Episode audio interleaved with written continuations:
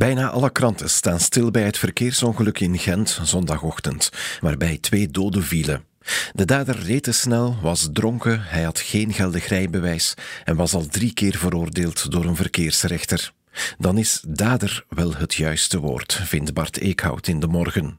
Dit is geen ongeluk, dit is delinquentie. Het probleem is niet dat de wet niet streng genoeg is, het probleem is dat al die wetten de man niet konden tegenhouden. Pleiten voor gevangenisstraffen klinkt niet progressief, maar bij verkeerscriminelen moet het voor een keertje toch maar. Politierechter Peter Dont noemt die hardleerse chauffeurs tikkende tijdbommen. In Dendermonde sprak Dont al zware gevangenisstraffen uit tegen verkeerrecidivisten. In Gazet van Antwerpen zegt Dirk Hendricks dat een andere aanpak met werkstraffen ook verdedigbaar is. Een rijverbod is moeilijk af te dwingen of te controleren. Daar moet iets aan gedaan worden. Peter Dont is zowat de verpersoonlijking van een bikkelhard strafbeleid voor verkeersdelicten. Sommige collega's tonen zich op dat vlak wat te mild. De vergaand ongelijke behandeling onder politierechtbanken is moeilijk te accepteren in een rechtsstaat. Een wonderoplossing tegen dergelijke drama's bestaat niet, maar een nultolerantie op alcohol in het verkeer heeft op zijn minst het voordeel van de duidelijkheid. Want nu luidt de boodschap dat drinken mag, met mate. En dan gaan we gokken en tellen, want eentje is geentje. Voor wie een drankverslaving ontwikkelt, wordt de wagen een potentieel moordwapen. Dergelijke profielen hebben behalve een veroordeling ook nood aan begeleiding. In de meest extreme gevallen past een vorm van gevangenneming, schrijft Bart Brinkman in de Standaard. Er is één maatregel die echt tot gedragswijziging kan leiden: het rijbewijs met punten.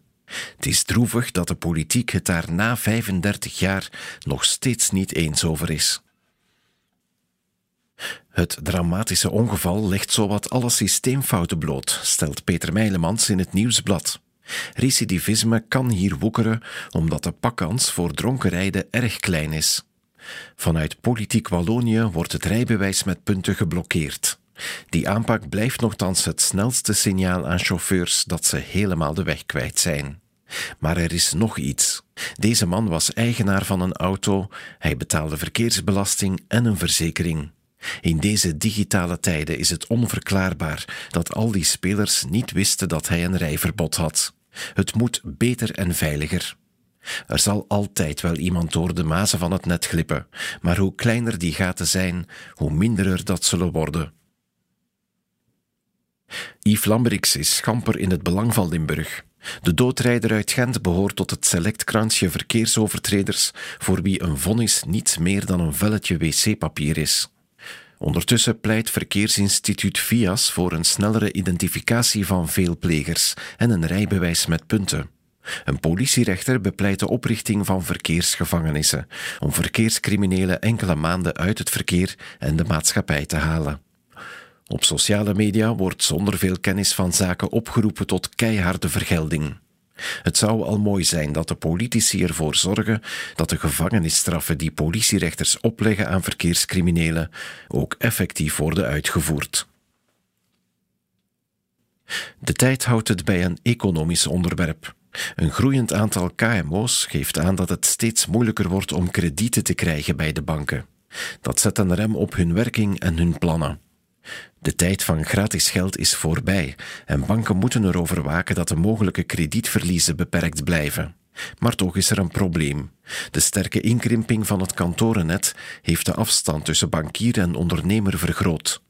En de banken durven minder risico's nemen.